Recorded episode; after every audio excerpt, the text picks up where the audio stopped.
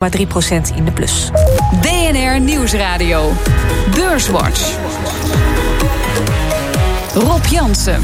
Welkom bij Beurswatch, het enige beleggingsprogramma op de Nederlandse radio. Met Corné van Zijl van Actiam en Najib Nakat van Hof Horneman Bankiers. Welkom. We beginnen altijd even met een snelle blik op de markten. In Amerika worden weer records uh, gebroken. Ook de AEX had een goede week achter de rug. En ik bedenk dat september vaak een slechte maand is. Um, wat is jouw verklaring voor het optimisme, Corné? Nou, september is nog steeds een slechte maand, want we, we zijn 10 punten hoger de maand uitgegaan. Dus we hebben nog 10, maan, 10 punten in te halen voordat het een goede maand wordt. Dus uh, voorlopig gaat die be, bedmatigheid nog op, in ieder geval voor de AX. Ja.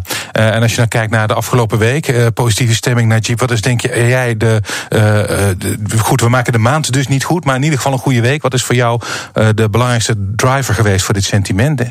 Nou, het lijkt erop dat, uh, dat beleggers gewoon optimistisch uh, zijn uh, geworden. En, en in feite geld gestort hebben in een heleboel beleggingsfondsen. Er was een recordinstroom in aandelenbeleggingsfondsen. Um, en de afgelopen weken, althans de weken hiervoor, waren ook niet zo goed. Hm. Verder heb ik er niet echt een verklaring voor op dit moment. Het was de week waarin cannabis gewild was onder beleggers. Het aandeel van wietkweker Tilray ging door het dak. Maar die hoge waardering is niet houdbaar, zegt Stan Westerterp van JNVB Vermogensbeheer. Het is natuurlijk wel een product waar in principe geen patent op zit. En dat betekent dus ook dat de barriers to entry, de, de toetreding tot de markt, heel erg laag is. En dan zie je vaak in dat soort markten dat de winstmarges echt ja, substantieel laag zijn. En dat betekent per definitie dat je zal zien dat er veel bedrijven gaan toetreden, maar dat er nooit echt een serieuze marktleider zal opstaan. En Peter Badowski, topman van Boskalis, vindt dat Trump de Chinezen beter aanpakt dan de Europese Unie. Reciprociteit uh, uh, zal nooit tot op sectorniveau door de EU richting China uh, besproken worden. Nou ja, dat, dat is dan mooie praat, maar de facto betekent het wij kunnen nog de nul, nog wij baggeren in China, maar de Chinezen komen vrolijk Europa binnen. Trump legde het gisteren zelf nog even uit. 375 billion dollars in trade deficits came about year after year. We don't want that. Not fair, not right. Not fair, not right. Ja, uh, hij legt dus er nog even uit, Trump, dat hij de verhouding met China niet goed vindt, uit balans. En uit de woorden van Berdowski, de topman van Boskalis, horen we dus dat de EU ja, feitelijk met hetzelfde probleem kampt. China heeft hier vrije toegang en omgekeerd is dat niet zo. Um, Corné, zouden we Trump niet veel meer moeten steunen in zijn strijd voor een gelijkspeelveld met de Chinezen? Um, nou, ik, ik vind dat Trump daar zeker wel een punt heeft. Uh, de, de, vraag is hoe je dat aanpakt. Uh, ik denk, oh, zoals nu blijkt, dat de, de Trump-aanpak niet helemaal werkt. Uh, of het daadwerkelijk echt tot de ultieme handelsoorlog gaat bewoorden of niet, dat moet nog blijken natuurlijk. Ja. maar dat zou een dramatisch effect hebben, ook voor de Verenigde Staten. want een, een handelsoorlog is niet makkelijk te winnen. Zoals hij zelf zegt, maar die kent alleen maar verliezers. Daar ben ik het zeker mee eens. Hm. Maar zoals je Bedowski hoort, inderdaad, ik vind Bagger een perfect voorbeeld. Eh, Chinezen kunnen alles. En, en uh, Badowski heeft nog nooit een, een metertje ge, gebaggerd in, in China. Dus wat ja. dat betreft klopt dat volledig.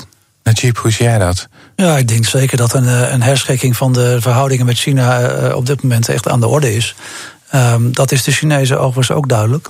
Um, we hebben al wel wat uh, ja, aanbiedingen van de Chinezen gezien. Ik geloof dat ze op een gegeven moment ook 70 miljard uh, zeg maar, aan aanbod hadden richting Amerika. Dus er wordt wel onderhandeld. Um, we hebben de laatste periode een aantal grote projecten uh, zien starten in China. Waarbij de buitenlandse onderneming volledige zeggenschap had. In tegenstelling tot vroeger, waarbij gewoon altijd een Chinese joint venture partner bij moest. Dus we zien hier en daar wel wat signaaltjes. Uh, maar dat wordt volledig overstemd op dit moment door uh, ja, de retoriek van uh, met name uh, meneer Trump. Ja, nou moet ik zeggen dat China deze week ook vrij fel uithaalde, Corné. het lijkt erop alsof zij ook toch hun hak in het zand zetten. Um, of is dat allemaal, moet ik dat zien in het spel? Nou, kijk, als Trump zo hard schopt, uh, dan kan ik zie dat natuurlijk niet over zich heen laten gaan. En dus kwam hij met de directe harde maatregelen aan die hij van tevoren al had aangekondigd. Als Amerika dat doet, dan doen wij dit. Dan kan je niet je keutel intrekken, want dat mm. zou gezichtverlies zijn. En dat zullen Chinezen dus nooit doen. Maar als je goed luistert naar de berichten daarna, waren die toch wel iets gematigder. En dus daar was dat wel positief in. En ik moet toegeven, ook eh, alle, als je alle retoriek van Trump hoort, dan denk je van, nou, dat, dat gaat helemaal fout. Maar ook als je naar de tarieven kijkt, eh, in eerste instantie was er sprake van veel hogere tarieven. En de meeste tarieven komen nu zo rond de 10% uit. Dat is lager dan menigeen eerder had verwacht en hij zelf ook had gezegd. Dus ook dat lijkt misschien wel een kleine handreiking, maar misschien ben ik iets te optimistisch in dit. Ja, en wellicht uh, kan Trump nog een, een win gebruiken vlak voor de midterm elections. Hè. Wie, dat is voor ons natuurlijk heel moeilijk uh, in te schatten. Ja. Ja, dat, uh, daar moet hij ook nog. Uh, hij vecht op meerdere, meerdere schaakborden, inderdaad. Um, Eén daarvan is uh, het OPEC-schaakbord. OPEC vergadert uh, deze, dit weekend, komende zondag, als ik het wel heb. De, en ja, daar bemoeit Trump zich ook weer mee. Hij vindt dat de VS het Midden-Oosten al decennia beschermt en daarvoor eist hij iets terug. Lagere olieprijzen. volgens Trump wil Saoedi-Arabië een olieprijs van minimaal 80 dollar. Dat is volgens mij vandaag ook doorheen geschoten, die, die, die olieprijs. Moet lager van Trump. Um, ja, overschat hij hier niet zijn invloed, uh, Najib? Ja, dat denk ik zeker. Um, hij kan wel van alles willen, maar uiteindelijk bepaalt de markt gewoon de prijs. En uh, wat je ziet in de oliemarkt is dat die voorraden die zeg maar, van, vanaf zeg maar, uh, zomer 2014 enorm opgelopen zijn. Inmiddels weer behoorlijk teruggelopen zijn door een aantal factoren. Eén daarvan is de economische groei geweest. Um, het is een hele belangrijke factor geweest. Maar er zijn natuurlijk ook problemen ge uh, geweest in Venezuela. Ja. Um, of niet eens, niet, niet, eens geweest. Het, is, het gaat daar nog steeds heel slecht. Daar ja. is de, de olieproductie uh, gehalveerd. En meneer Trump heeft zelf besloten om uh, sancties weer op te leggen aan, aan Iran, Iran ja. per 4 november volgens mij. Dus dat zit er ook nog aan te komen. En als je dat allemaal meeneemt en gaat kijken van hoeveel ruimte OPEC nog heeft om te produceren, om extra te produceren, is dat eigenlijk nog maar heel beperkt. Ja. Maar Corné, uh, het viel net al even, de verkiezingen die zijn in aantocht. En die olieprijs, veranderingen in de olieprijs worden geloof ik in Amerika sneller aan de pomp gevoeld dan hier. Ja, omdat er zo weinig belasting op zit. Dus ja. Ja, nou, ja. En dat betekent dat zijn stemmers, uh, ja, hij moet eigenlijk met een lage olieprijs ook zijn stemmers uh, overtuigen. Ja, inderdaad. Dus een, een lagere olieprijs zou wel gevallig zijn. En ja, Saoedi-Arabië wil hem daar waarschijnlijk wel helpen. Maar zoals net Jeep zei, die hebben niet zoveel capaciteit meer. En hij is zelf inderdaad een van de grote veroorzakers door Iran buiten te sluiten. En die kan dus niet meer leveren, ja, dan, dan is dit het gevolg. Uh, ja, uh, Iran is ongeveer 3, 4 procent van de, van de oliemarkt die opeens ja. wegvalt. Ja, zie dat maar even op te vangen. We, gaan, uh, we blijven nog even in het buitenland, namelijk in Turkije. De Turkse minister van Financiën, Al Bayrak, die heeft zijn plannen voor de Turkse economie bekendgemaakt. En om een crisis te bezweren zal bijvoorbeeld een aantal overheidsprojecten in de ijskast verdwijnen. Moet 10 miljard bezuinigd gaan worden. Um, de groeidoelstellingen zijn ook verlaagd. Um, Najib, uh, denk je dat dit voldoende maatregelen zijn om Turkije er weer bovenop te krijgen? Um, het zou kunnen. Op zich is het het klassieke recept. De, Turkije is een land wat uh, zijn groei voor een belangrijk deel financiert ook met buitenlandse of investeringen van, vanuit het buitenland. Uh, dat is natuurlijk een stuk moeilijker geworden. En dan is het recept gewoon rente verhogen, economie afkoelen en dat het weer in, in balans komt. En um, of dit genoeg is, dat, dat, zal, dat zal de markt uh, uitwijzen. Ja. Uh, groeiverwachtingen zijn ook verlaagd. Dus ja, uh, ja, het blijft nog wel groeien, maar het wordt allemaal minder. Uh, hoe schat jij de kansen in van deze maatregelen? Wat denk je? Nou ja, dat het wel een stap op de goede weg is. Maar ze hebben ook nog een wat agressieve houding richting de buitenwereld. En richting het zogenaamde grootkapitaal en het westerskapitaal. Ja. ja, en als je daarvan afhankelijk bent, dan lijkt me dat wel handig om je daar een beetje voor open te stellen. En dat doen ze dus juist niet. Dus wat dat betreft is dat een extra min voor ze. Ja. En, en zoals Argentinië blijkt, die doet wel alles wat ze zouden moeten doen. En die heeft wel een vriendelijke houding. Maar ook daar, hè, daar is de, zijn de problemen al in januari begonnen. Blijkt dat het gewoon echt heel moeilijk is om, om, dat, om dat sentiment weer terug te normaliseren. Ja, en, en denk je dat dat Turkije misschien ook wel te laat is nu met deze maatregelen? Dat zij ook nog verder kunnen wegzakken? Ja, kijk, het probleem is, als je op een gegeven moment te laat je rente gaat verhogen, dan is dat eerder een teken van dat er iets aan de hand is uh, en, en, en, werkt dat rentewapen niet zo meer. Mm. Uh, en ja, dat is een probleem waar Turkije nu, nu duidelijk mee te maken heeft. Dus ik vraag mm. me af of het genoeg is. Ik, ik, ik ben bang voor niet. Mm. Eén ding is zeker, je zag het ook aan de Turkse PMI vorige week, dat gaat wel heel hard een keiharde recessie ja. op. En, aan de andere kant, Najib, de rente is wel. De centrale bank bijvoorbeeld heeft de rente vrij flink verhoogd uh, vorige week. Um, nu komt er dit plan. Um, misschien is het wel een tijd aangebroken dat Erdogan wel echt naar zijn economisch adviseurs aan het luisteren is. Of ziet dat nou ja, dat, dat is in ieder geval een van onze grootste zorgen geweest en nog steeds. En, en ook van de markt. In hoeverre is, uh, is Turkije, onaf, of de Turkse centrale bank, onafhankelijk hier, hierin? Hmm. Zeker met de benoemingen uh, van familieleden op allerlei belangrijke posten. Ja. Uh, dat, is, dat is echt een grote zorg. vooralsnog Um, volgens zeg, maar het, het klassieke recept. Ehm, maar inderdaad, het is wel, uh, het is wel spannend of het, of het, of het goed gaat. En, ik, en ja, persoonlijk denk ik wel dat, dat Turkije er wel beter voor staat dan landen als Argentinië, mm. uh, Zuid-Afrika, uh, ja, Brazilië, die ook allerlei problemen kennen door de, door de stijgende Amerikaanse rente. Die kapitaal, zeg maar, naar, naar Amerika zeg maar, zuigt. Ja, um, ja want de, als je kijkt naar de, de, de, het begrotingstekort en de staatsschuld, dat valt eigenlijk nog wel mee bij Turkije, Corné.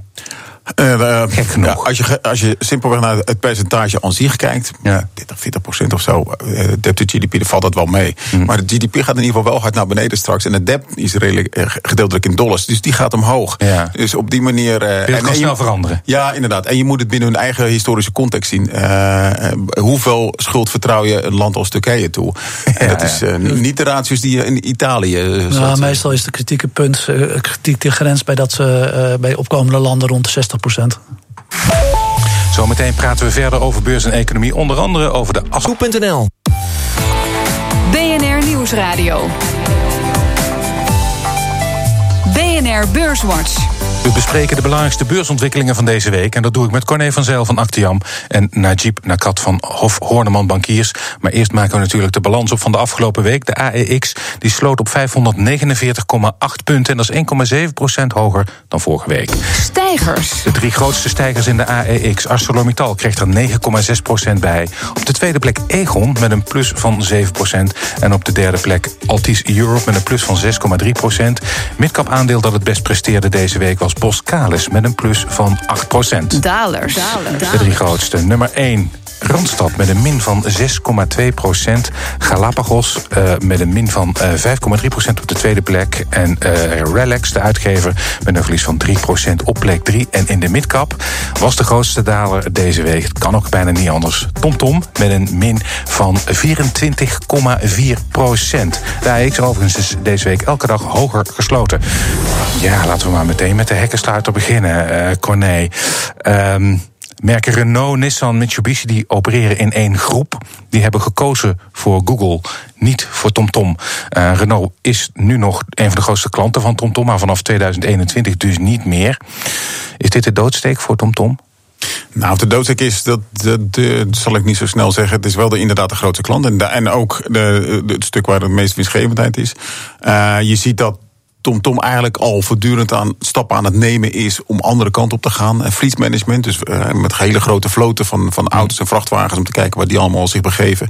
En die service, maar dat is toch wel meer concurrerende markt dan ze vroeger hadden gedacht. En natuurlijk voor de lange termijn self-driving cars. Uh, Maar dat uh, is een, een, lange termijn belofte. Ja, en als je korte termijn winsten dan op een gegeven moment wat op gaan drogen, dan ga je dus wel een probleem hebben. Ja. Najib, ben je geschrokken van uh, de berichten dat zij uh, Renault, Mitsubishi, Nissan gaan verliezen? Nou, het is zeker opvallend. Hè, want ik denk zeker dat in de markt de, de mening wel er was dat de grote autofabrikanten hm. Google niet in hun auto wilden laten. Ja. Hè, vanwege de macht van, ja. van, van Google. En dat zo'n kleine partij als TomTom veel interessanter is. Ja. Uh, dat blijkt nu niet het geval te zijn. Maar natuurlijk, Google is niet de enige speler die de auto uh, in probeert te komen. Nee. ik noem bijvoorbeeld Apple, ja. waar de geruchten al langer over gaan. En die hebben natuurlijk niet hun eigen kaarten. Dus er is op zichzelf nog wel genoeg om voor te gaan voor TomTom. Zeker geen doodsteek. Maar ja, de, de adresseerbare markt is natuurlijk wel kleiner geworden. Maar je ziet ook steeds meer mensen, die, wat mij op voor opvalt, die gebruiken Google Maps ja. bij, in plaats van hun TomTom in de auto, ja. op hun telefoon. Omdat het accurater is en sneller werkt.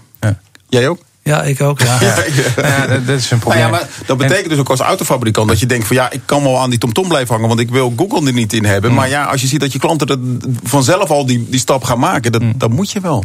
En er was ook nogal wat uh, onvrede onder beleggers. Dat, ja, het bedrijf, dat was alleen maar. De, de, de CFO heeft een vrij relatief korte verklaring afgegeven. Hij noemt het een wake-up call. Ik denk van ja, als ik als belegger 24% van, me, van de waarde verlies en ik krijg niet meer van ja, het is een wake-up call, dan voel ik me toch een beetje in de kou staan.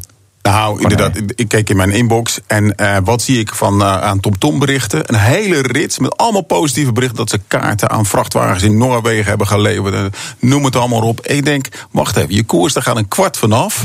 En je komt met dit soort positieve berichtenstroom. Ik denk, dat zou toch op zijn minst het bedrijf sieren om daar enige aandacht aan te besteden. En om dan aan het einde van de dag met een kleine summiere statement te komen, vind ik een teken van onvermogen. Ja, en. Um ja, jij zei net van TomTom Tom, uh, is misschien ook wel uh, interessant voor andere partijen. Want er is vaak gesproken over TomTom Tom wordt misschien wel overgenomen. Maar dat gebeurt alsmaar niet.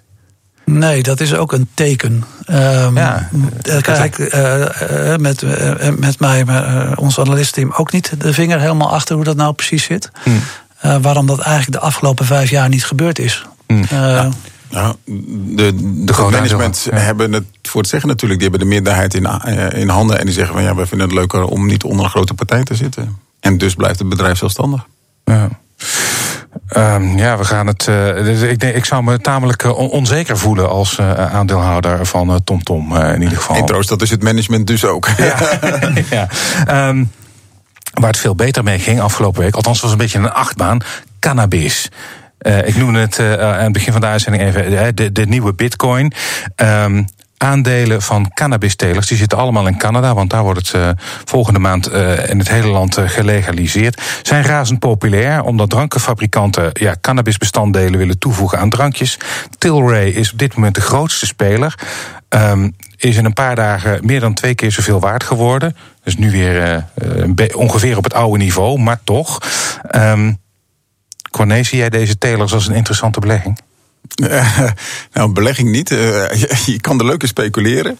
Want uh, Tilray is inderdaad twee maanden geleden voor 17 dollar naar de beurs gegaan. En het hoogtepunt vorige week was 300 dollar. Ja. En dat is nu even 167, dus vertienvoudigd. Het, het is nu 11,5 miljard dollar waard voor een bedrijf. Ja. 11,5 miljard euro waard voor een bedrijf wat 20 miljoen dollar omzet heeft. Het. Ja, dat is ongelooflijk. Helemaal nergens over. Uh, maar dit is een enorme speculatie. En ik denk wel de, de, de, de, de nieuwe bitcoin. Je ziet echt als je de Amerikaanse fora, uh, beleggersfora erop af uh, naleest. Zoveel enthousiasme. En iedereen is er helemaal gek van. En heel veel, ook als je naar de omzetten kijkt. Er was afgelopen week in Tilray net zoveel omzet op een dag als in het aandeel Amazon. Ja. Om maar eens een vergelijking te ja. geven. ja. Maar goed, Najib, de drankenfabrikanten hebben interesse. De Tilray ja, richt zich ook op de medische sector. En daar mag er van een bepaald product. Er mag, gaat klinisch onderzoek starten in Amerika naar een, een trillingen, tremors bij mensen. Daar kan hun product misschien bij helpen. Dus misschien toch ook wel een beetje een biotech-achtige aantrekkingskracht. Ja, maar toch blijft dat enorm speculatief. Uh, wat Corné al zei over Tilray, als je kijkt naar uh, Aurora Cannabis. Ja. Nou, 10 miljard dollar uh, marktwaarde en 40 miljoen omzet. Die waarderingen zijn echt gewoon, ja, high. Ja. daar, gaan we, daar gaan we niks mee doen. En er wordt er is nog zoveel onzeker over wat, uh, waar die toepassingen uh, nou zijn en hoeveel ze daar überhaupt aan gaan verdienen. Want met dit soort waarderingen trek je natuurlijk ook heel veel kapitaal aan en interesse en, en dus later ook concurrentie. Ja. Um, dus ja, wij doen er niks mee. Ja. Ook op dat farmaceutische stuk, als je nu naar de drogist gaat, kan je voor een paar euro van die marijuana-druppeltjes kopen. Ja. Die, die zijn nu al gewoon vrij verkrijgbaar. Dus ja. ik kan me voorstellen dat ze het heel erg leuk vinden om dat als, als duur medicijn te gaan verkopen. Ja. Maar eigenlijk, je kan het gewoon nu al, gewoon ook in Nederland, gewoon overal bij de drogist kopen. Even heel kort wil ik nog stilstaan bij uh, farming. Um, wel echt biotech. Um, ging op een gegeven moment uh, eh, 20% vanaf. De dag ervoor ook al 13%. Is weer enigszins hersteld. Hun belangrijkste geneesmiddel, Ruconest. Um, ja, daar moet aanvullend onderzoek gedaan worden, zegt de FDA, de Amerikaanse autoriteit die daarover gaat. Um, volgens de topman van het bedrijf is dit een beperkte tegenslag. Corné, of is dit inderdaad beperkt of is dit een grote, een grote tegenslag? Nou ja, beperkt als het een paar maanden extra onderzoek is en dat ze dan mogen doen dan is het inderdaad beperkt. Dat weten we dus niet. En mm. wat wel zo is, ze hebben maar een, wel een beperkte window of opportunity. Mm. er zijn concurrerende medicijnen zijn al uh, in onderzoek. En die, naar verwachting komen die over vier jaar. En ja, die zijn aanmerkelijk gebruiksvriendelijker dan het uh, product wat farming heeft. Dus mm. ze hebben maar die vier jaar tijd om een hoop geld te verdienen. En ja, hoe langer het duurt, hoe korter die periode wordt. En dus dat is wel het probleem bij farming. We zijn er weer bijna aan het einde van deze uitzending. En dan vraag ik mijn gasten altijd de tip. Uh, Najib, aan jou het woord. Wat moeten beleggers uh, kopen van jou deze week? Um, de retoriek rondom de handelsoorlog heeft ertoe geleid dat de afgelopen maanden, ja, half jaar, China en de Chinese aandelen behoorlijk naar beneden zijn gekomen. Ja. En als je gaat kijken naar wat de echte impact is op de, de winstgevendheid van die bedrijven, is dat zeer beperkt. Zeker zoals het er nu voor staat. Um, als je kijkt naar de waardering, in ieder geval van de portefeuille Chinese aandelen die wij hebben in, onze China, in ons China-fonds, dan praat je over gemiddeld acht keer de winst. Hm. En dat is wel dat is absurd laag inmiddels geworden. En even heel concreet, je zegt de aandelen die wij in portefeuille hebben, ja, waar moet ik dan aan denken? Nou ja, wij hebben, wij hebben een, fonds wat belegt in, in, in, kleine en middelgrote Chinese ondernemingen, met name familieondernemen. Er zitten geen banken of verzekeraars in. Het is allemaal industrie. en daar praat je dus over die waarderingen en, en het dividend rendement van 6 Okay. Uh, het kan natuurlijk ook op andere manieren. Ja. Chinese midcap. Corné, wat is jouw tip? Ja, Japanse aandelen, het is al vaker hier genoemd. Ja, uh, klopt. Komt vaak voorbij, ja. ja. Als je gaat kijken, de koers-winstverhouding van de verwachte koers-winstverhouding is nu 12,5. Dat is echt heel laag. Hè. Ik kom nog uit de periode dat het 80 tot 100 was. Ja. Uh, wat je ziet is dat de Chinese inkopers die zijn wat positief geworden. Je ziet de inflatie toenemen, eindelijk. Hè. Van de week 1,3 procent, een stuk boven de verwachting. Je ziet de loongroei komen, dus eindelijk lijkt er enige uh, ontspanning... en dat het beter gaat met de economie daar. En dan bij dit soort waarderingen en de risicopremie ten opzichte van obligaties is ook uh, echt ook regionaal erg hoog. Mm. Het lijkt mij een, een, mooie opportunity om ja, het dus, op rustig dan dus door middel van een tracker of een beleggingsfonds? Ja, ik zou gewoon een tracker of een beleggingsfonds nemen. Hartelijk dank voor jullie bijdrage. Corné van Zijl van Actiam en Najib Nakat van Hof Horneman Bankiers. Dit was Beurswatch. Terugluisteren, dat kan via de site, de app, iTunes of Spotify. En